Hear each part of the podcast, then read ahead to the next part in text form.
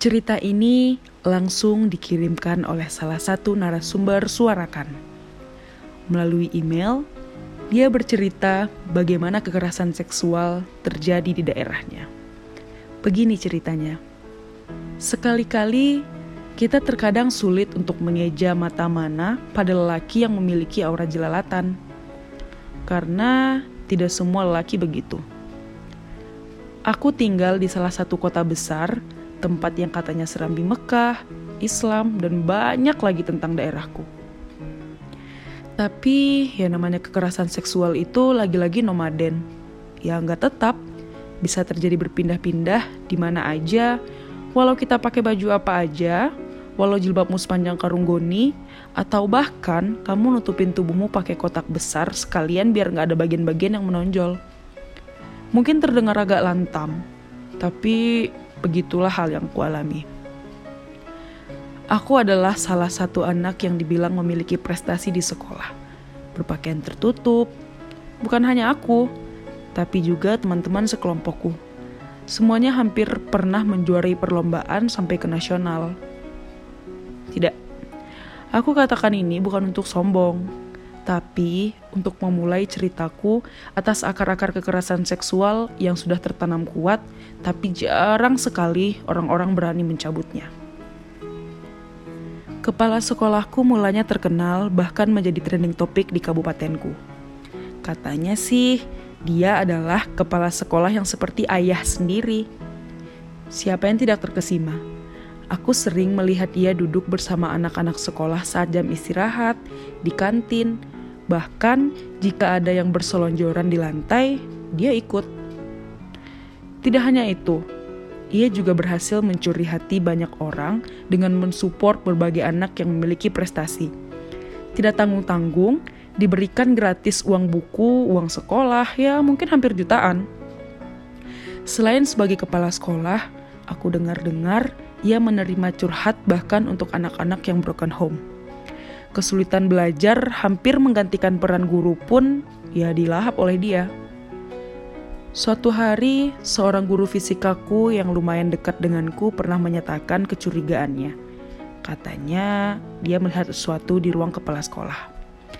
Kepala sekolah tidak segan-segan memeluk siswa wanita jika memiliki prestasi. Guruku ini menaruh curiga jika itu bukan pelukan biasa. Tapi saat itu, dengan segala kebaikan kepala sekolah, aku kira itu hanya pelukan sayang seperti anak sendiri.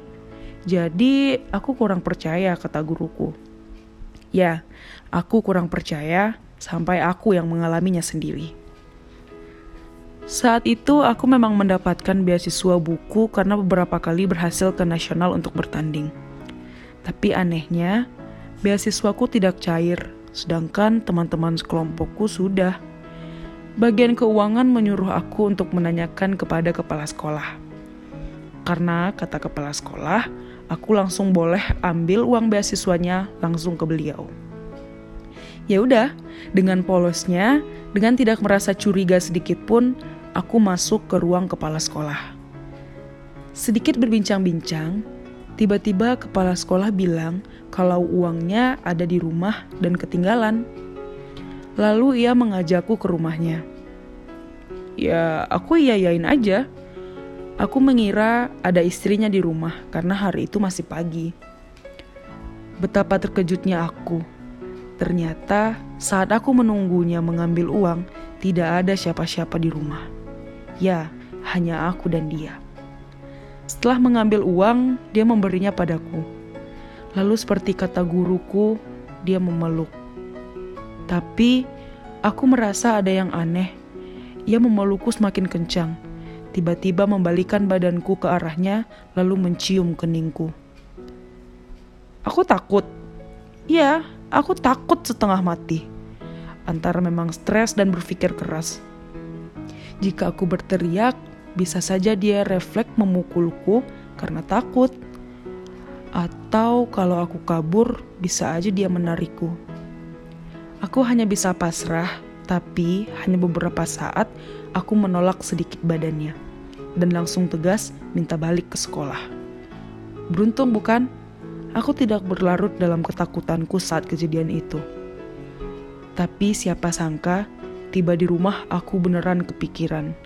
Malu dengan diriku sendiri, sampai sempat mencoba mau gantung diri. Aku aku merasa yang dilakukannya salah. Tapi mengapa aku tidak bisa apa-apa?